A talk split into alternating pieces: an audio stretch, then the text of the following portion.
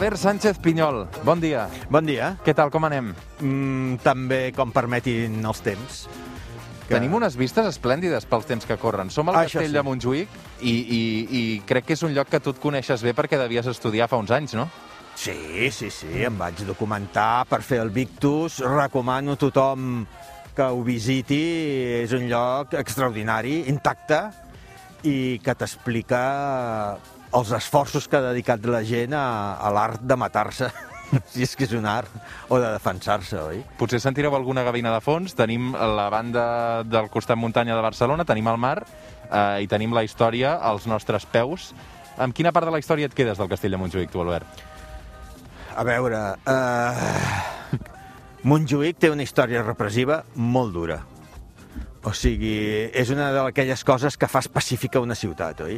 Normalment un castell així es construeix i es manté per protegir la ciutat. I aquest es mantenia per reprimir-la. Des d'aquí han caigut moltes bombes a la ciutat, cosa que, que és terrorífic, no? Eh, sí, sí, és un símbol de, de com una societat no s'autogoverna. Hi ha un poder que li ha de posar un monument que li especifiqui això. Mm. I teníem Montjuïc i teníem la Ciutadella. Estaven ben atrapats. Estem mirant la història. Tu com creus que s'explicarà la història de, de Catalunya de la dècada que hem viscut última, de la dècada del procés? No ho podem saber. O sigui, això t'ho ha de dir un endeví. Per començar haurem de saber qui guanya. Clar, depenent de qui guanyi t'explicarà una cosa o t'explicarà una altra. No tens la sensació que el procés ja s'ha acabat? Jo crec que fa baixada, desgraciadament. Sí, sí, la sensació que tenim ara és molt depriment, oi? Penso que les forces independentistes, la seva màxima eh, arma era la mobilització popular, i ve el Covid i això t'ho roba. Mm, això és una evidència. Però mai se sap com acabaran les coses. Això també és una lliçó que podem aprendre, no? que la història és totalment irracional. Faia poc llegia algú que eh, al segle XIII un comte anglès li deia als seus fills que no estudiessin anglès, perquè era una llengua sense cap futur. o sigui, que estudiessin francès, perquè, és clar l'anglès estava a una illa, era gent sense cultura i allò s'extingiria inevitablement. O sigui, que mai saps què passarà, mai ho saps. Vull dir, igual demà s'independitza Escòcia. I quin argument tindran per impedir o unes sigui, coses similars? Tu creu, creus en l'efecte dominó? No, jo crec que, que justament eh, que les coses siguin imprevisibles eh, a molta gent l'angoixa i a mi sempre em dona una esperança. Penso tornar a la política, però abans eh, penso parlar del que tenim entre les mans, que és les estructures elementals de la narrativa, l'últim llibre d'Albert Sánchez Pinyol. I jo dic, calla, aquest títol em sona, deu ser una assignatura de periodisme o de comunicació audiovisual que vaig llegir, um, perquè, clar, uh, Albert, jo recordo que et vaig entrevistar fa un parell d'anys, la primera temporada que feia el suplement, i que et vaig preguntar per què escrius, no? Um, clar, no sé si calia un llibre de 224 pàgines per fer-me per respondre'm aquella pregunta. La pregunta exactament que contesta aquest llibre no, no és aquesta, és una altra que jo trobo molt més interessant que no les meves motivacions particulars, oi? És un llibre que t'explica el motor, com funcionen i per què existeixen, no una història, no un relat, sinó tots. Ja sé que sona molt pretensiós i molt bèstia, oi? Però, és clar, eh, aquí l'objecte d'interès de les estructures no és un llibre o un altre, sinó el fet narratiu mateix, que jo no entenc que no ens interessi més com a tal, encara que sigui des d'un punt de vista totalment egoista. Avui en dia la, la indústria de la narrativa, que ocupa l'audiovisual, les novel·les, però també els teatres, les sèries, crec que ja és la tercera o quarta del planeta. D'on ve tot això? I en canvi és un tema que no què és la, la, la narrativa i com funciona, no? Com funciona realment un relat i per què? I clar, eh, curiosament, qui et dona la resposta a això, per mi, ha estat l'antropologia. El famós autor teatral va inspirar aire més o menys com Goethe davant de Napoleó i va sentenciar el talent literari es té o no es té. Escrigui. Escrigui, escrigui. Us imagineu que un electricista no necessiti saber res sobre electricitat? Endolli, endolli. Us imagineu que els barbers ningú els ensenyés a fer servir les tisores? Talli, talli. Vostè vagi tallant. d'alguna manera, Albert Sánchez Pinyol, vens a dir que els escriptors escriuen però sense reflexionar gaire sobre Ah. l'ofici, no? Bueno, hi ha un apartat que li dic les rodes rodolen. I és que quan vaig començar a publicar els primers llibres i vaig començar a conèixer autors, jo tenia moltes preguntes sobre això, no? com es fa una novel·la, com es construeix un relat, etc etc. I va ser una decepció terrible, perquè és que no en tenien ni idea. Clar, en bona part la culpa és meva. Vull dir, les rodes rodolen, però no saben què és el moviment. Doncs molt sovint els autors es guien per mecanismes inconscients de, eh, de, de, de talent improvisat, però, és clar, si tu et mires des de fora el fet narratiu, veus que hi ha una cosa infinitament més complexa, no? De que pots fer... Recordes quan fèiem anàlisis sintàctiques a la- a l'escola? doncs, si fèiem frase, anàlisis sintàctiques d'una frase, per què no fer-les d'un relat? I et comencen a sortir coses apassionants. Resulta que tots els relats del món tenen coses en comú. Tots. Allò de el, el que tu anomenes el papito, a la introducció, el nus, el desenllaç, un gir al mig, no? Tots els relats de tres actes, principi, nus i desenllaç, eh, que són eh, el 90% dels relats que ha inventat el gènere humà, almenys en forma escrita, tots tenen unes, uns patrons en comú, que és que és apassionant trobar-los i, i, i, i bueno, primera com a autor i després, però com a lector, com a espectador, està pendent de quan trobaràs aquests, aquests elements. És com saber com funciona el motor del Fórmula 1, és un plaer afegit, no?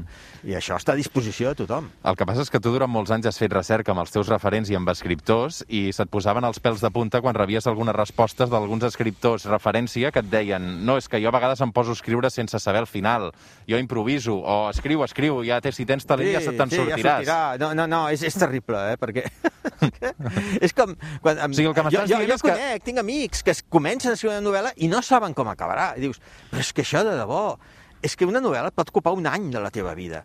I és com començar els plànols d'una catedral sense... Se, començar a construir una catedral sense plànols. És que és el mateix, per mi és extraordinari. I alguns a sobre se't surten, però no és lo habitual.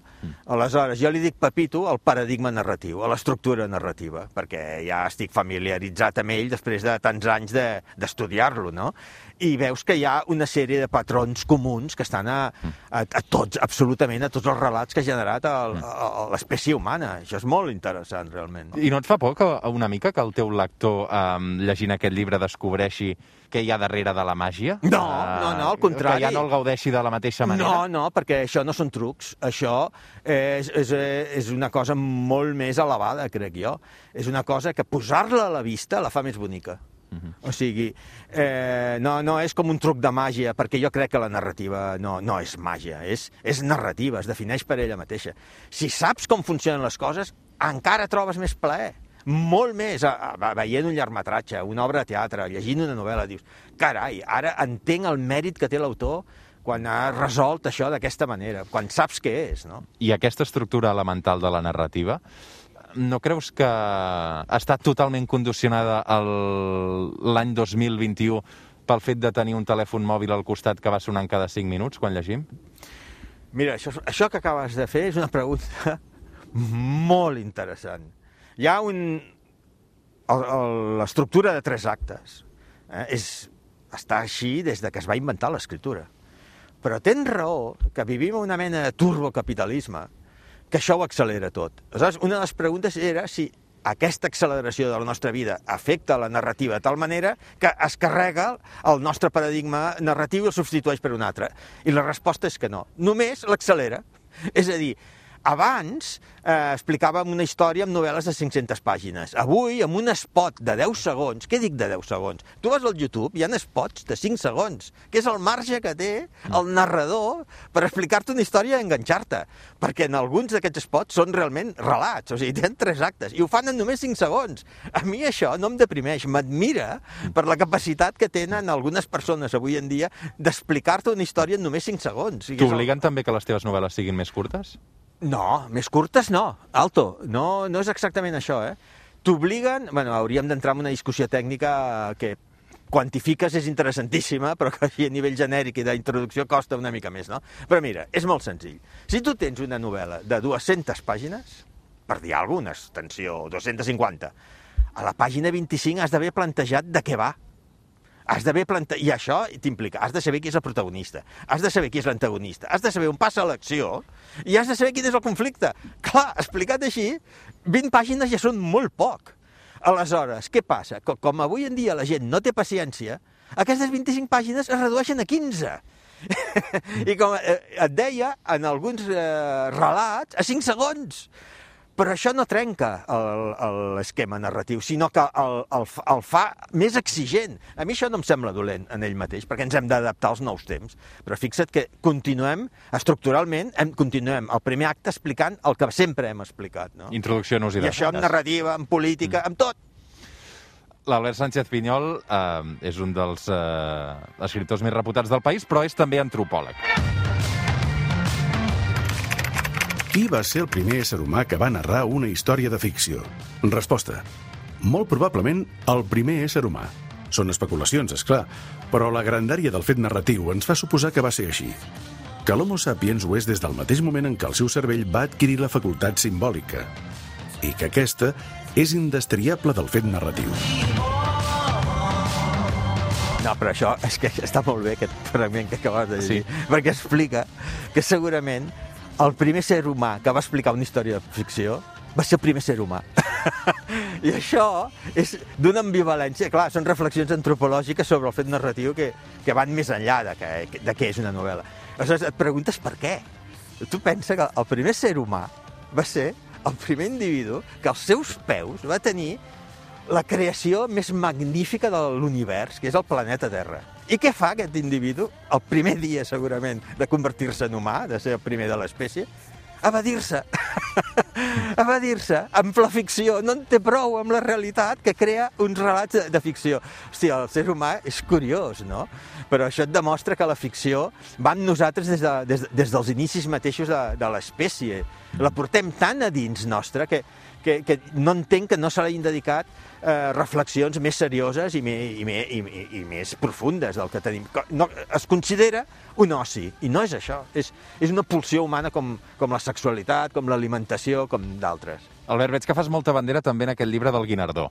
Home, jo he escrit un llibre sobre eh, les estructures que són immanents, que són universals, que són infinites i crec jo que eternes, perquè mm -hmm. mentre hi hagi narrativa trobaràs aquests elements. Però els he escrit des d'un lloc, que és el Guinardó. Mm.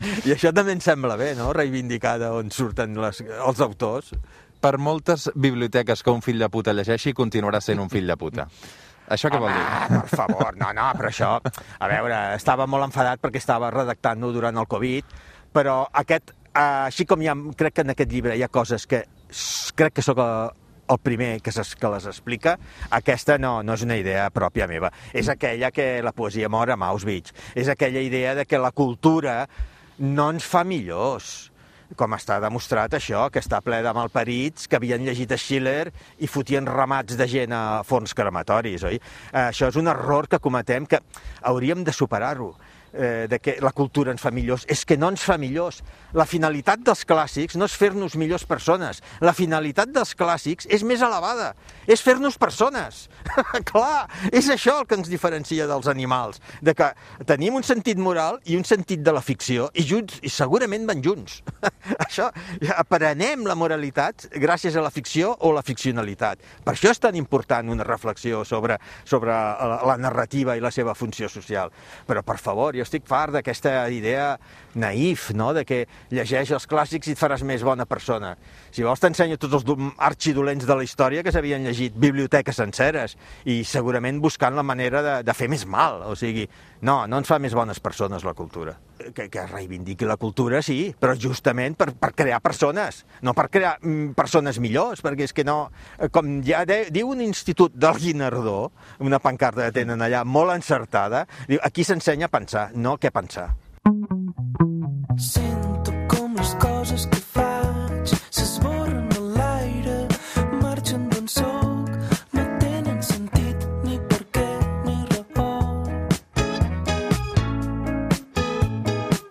Aquests dies, Albert Sánchez Pinyol, hi ha cert debat sobre què és literatura catalana. Bàsicament, si els autors catalans que escriuen en castellà fan literatura catalana. Jo això és que ni ho he seguit, perquè és que m'avorreix tant, m'avorreix infinitament tant, Vull dir, jo crec que una, un cos literari es defineix per, per, per llenguatge que, la llengua que fa servir l'autor, i ja està. I jo, eh, Franz Kafka era txec, però escrivia en alemany i tothom l'incorpora dins de la literatura germànica, no txeca. Tu, si escrivissis en castellà, faries literatura És que, espanyola. quan, és que jo faig les dues i això no, no em fa... Quan escric un llibre en català, òbviament, faig literatura catalana. Quan vaig escriure Victus en castellà, eh, pens... pensava que com formava part de la literatura castellana d'un autor espanyol per nacionalitat, doncs el Ministeri d'Exteriors espanyol el promocionaria. No et van fer ni cas. Sí, sí, i Ah. tant que em van fer Ah. cas. Em van fer unes censures terrorífiques a, a Holanda, que, enca- que encara se'n recorden a Holanda de com podien un, un, uns funcionaris de, de la diplomàcia boicotejar actes culturals, no? O sigui, però, però vaja, jo és que eh, suposo que és un, un debat, a part d'absurd, eh, potser malèvol, no? Perquè què vols? Eh, eh, què volen? Incloure dins de la, la literatura catalana autors que no escriuen en català? Pues, bueno, no sé, què, què guanyen amb això? Disminuir la, la cultura catalana, ampliar-la? Per què no fan aquest debat amb altres llengües? No sé, és que és absurd. Bueno, i ja sabem com les gasten alguns, no? Et veig emprenyat, eh? Però a veure, aquests dies, qui, qui no està emprenyat? és que, com, com deia algú, si a partir dels 40 anys no et fa mal res quan t'aixeques, és que estàs mort. Doncs si en, en temps de Covid no estàs emprenyat, és que no ets una persona, ets un gat o un colom. Eh, Ja que parlàvem de llengua, et preocupa que desapareguin els pronoms febles, eh, les vocals neutres, les S sonores? A mi em preocupa que el català desaparegui. Em trobo tristíssim, tristíssim. I penso que... Eh, i sempre ho he dit, que no és una qüestió de, de, de lingüística, sinó política, perquè eh, en els idiomes s'expressen relacions de poder, com en qualsevol altres eh, aspectes de, de, humans, no? A veure, que el llatí fos la llengua predominant a Europa al segle I, tothom pot veure que és perquè darrere havia la potència cultural, política i militar més gran del moment. I si avui en dia l'anglès té aquesta preeminència, doncs també. Doncs si eh, tenim eh, aquest retrocés del, del català, segurament és perquè tenim una potència cultural, econòmica i policial al damunt que està interessada en fer-lo desaparèixer. Quan a sobre van pel món explicant que ells són uns grans defensors de la diversitat i aquestes tonteries. Molt bé, home. Et fa por que el català acabi sent un, un reducte folclòric d'aquí uns anys? No sé si ja ho és. Vull dir... Què vols dir que ja ho és? Surt al carrer.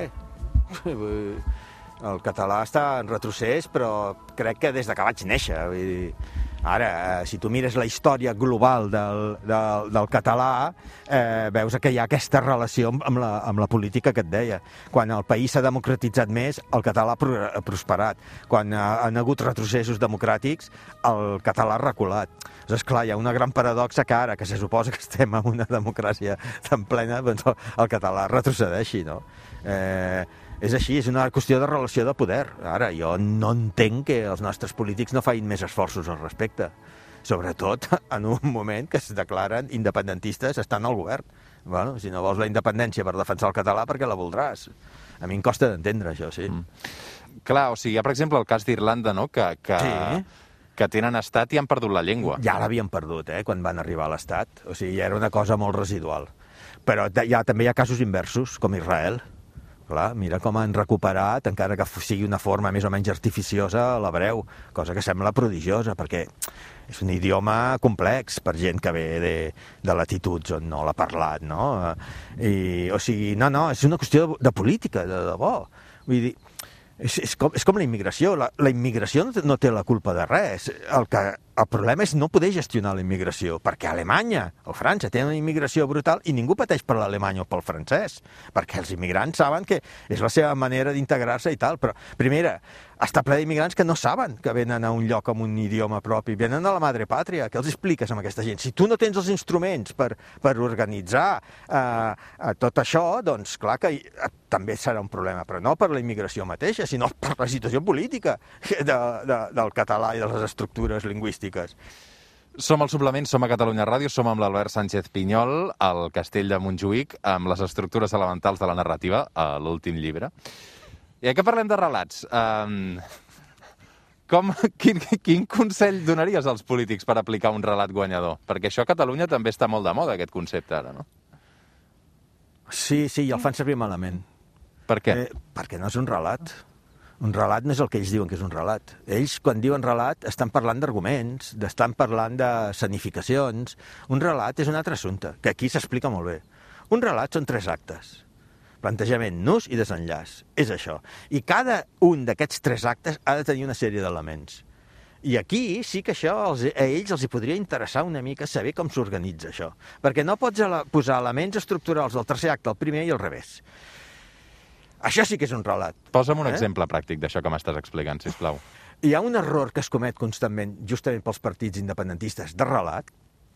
Ells et diuen, tu no pots estar fent una promesa sense explicar què, en què consisteix. Això és... Un narrador ho sap des de la primera pàgina. Quan tu estàs dient si, a, a la primera pàgina, estàs prometent si, que el capità Hap matarà o no a la a Balena Blanca. I això és el que et manté allà lligat. Si tu dius que ets independentista, m'has d'explicar per què. Jo constantment demanaria a un polític independentista que em digués no, és que ara estem molt malament per això. Digue'm com estaríem en una república catalana. No m'ho estàs dient. És que potser en realitat no t'ho creus i no és el teu projecte real. Però explica-m'ho, com serien els mitjans de comunicació? Com seria la producció audiovisual? Com seria uh, l'estat de, de sanitari a una Catalunya? I això no, no t'ho diuen mai, no? O sigui, tu no pots construir un personatge sense dir-me quins elements integren aquest personatge. I la república i la independència és un personatge, digue'm com, com serà. Això ho has de fer el primer acte, ja conformar-lo. I cap a on va? Tens ganes d'anar a votar? Amb tot això que m'estàs explicant? Perquè, clar... Uh... No, no, no tinc ganes, però hi aniré. Mm. Perquè l'alternativa és pitjor. Mm. És un xantatge que funciona, en el meu cas. No tinc ganes, no sé ni a qui votaré, eh? però em fa pànic que arribin segons qui. Mm. Uh... I aleshores sí que aniré perquè perdré, encara que sembli, el poc que tenim ho perdríem i la legitimitat exterior, clar. Si, si no guanyes unes eleccions, si no tens majoria, quin projecte pots defensar? I wonder how many times you've been had and I wonder how many plans have gone bad I wonder how many times you had sex Albert Sánchez Pinyol, uh, perquè va, traiem, traiem una cosa positiva de tota aquesta pandèmia, i és que tu eres sempre l'escriptor que tothom demanava per Sant Jordi i te n'intentaves una mica escaquejar, perquè crec que no et feia gaire gràcia la festa. No. Aleshores, mira... Uh, la no, no la critico, eh? senzillament que a mi no, no m'agrada anar-hi. Penso que és el millor dia de l'any fins que publiques el teu primer llibre. I t'has de posar allà, i a mi això no... El pas Però... que anem, tindrem dos anys sense Sant Jordi, que això per la... Pues ens hem d'adaptar, vull dir... Tu com estàs vivint la pandèmia? I també com, com a antropòleg, com te la mires? Jo me la miro... Sí Faig, com a antropòleg. Eh? Sí, sí, sí, sí, sí, sí, sí. Jo, al principi de la pandèmia, crec que la gent no va entendre quin era el relat que te l'explicava. I era el tiburon de Steven Spielberg. O sigui, el, uh, crec que és un clàssic que tothom ha vist o recorda, eh, recordeu que quan primer arriba el tauró a les platges i el gran conflicte no és amb el tauró, és entre el xèrif que diu hem de tancar les platges perquè aquesta bèstia ens matarà tots i l'alcalde que és l'ambició financera, diu, no, home, no, que perdrem la campanya turística. Això, que era un relat de ficció i tal, ho veies, però una metàfora claríssima tu estaves veient com havia gent que et deia hem de tancar perquè hem de clausurar coses o se'ns morirà la gent. I altres deien, no, hombre, no, com voy a cerrar Madrid? Com, que todo el mundo a trabajar, eh, perquè si no perdrem calés. I ara ha quedat una mica distorsionat i hauríem de veure quin és el relat que, que ha, ha, ha suplit això. Però al principi era, era uh, Tiburon de, de Jobs, de, de Steven Spielberg crec que maten el tauró al final, però, clar, eh, amb unes quantes morts pel mig, no? Sí, i, uh, i moltes que es podien haver evitat si uh, sortien a caçar, a matar el tauró al principi de la pel·lícula i no a mitja pel·lícula. Això és el que jo dic un midpoint. Podem demostrar que el Pepito funciona creant una història per, sí. per tancar? Sempre. Et poso ja un exemple. Home, oh. uh, home, així improvisat. Per exemple, Xamànica. un periodista que ha pujat a Montjuïc per, escri... per, per entrevistar un reputat sí, escriptor sí, i que sí. al final, després de l'entrevista, s'adona que el llibre, aquí al gir, és un plagi de Pilar Rahola. no vas malament, perquè tens el primer acte. Tens el protagonista i l'antagonista, el periodista i, i, i l'escriptor, i l'antagonista, que podria ser, en aquest cas, doncs, Pilar Rola, perquè li ha plagiat el llibre. Anaves bé, anaves a, has, has arribat fins al final del primer acte. Eh? Eh, si m'expliques bé qui són aquests dos personatges, i, eh, aleshores eh, has de concretar la pregunta binària. Quina pregunta té aquest relat? Te recordes allò que dèiem? Aconseguirà el capità Hub matar la balena blanca? Sí o no? Quina Aconseguirà pregunta? Si no demostrar- tens la pregunta, no tens relat. Aconseguirà demostrar que el llibre és un ah, plagi? molt bé, molt bé. Ara obres les portes a les vestituds del segon acte.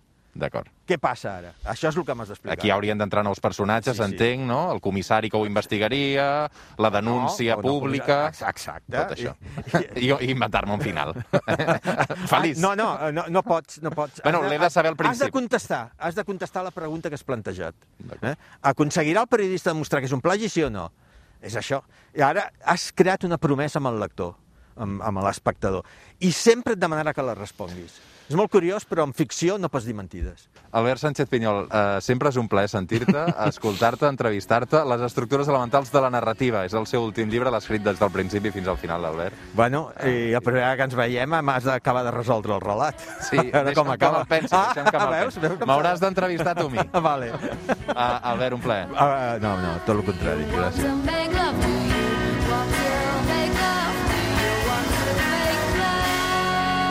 El suplement. Notícies, entreteniment i hi-hi, ha-ha. Amb Roger Escapa.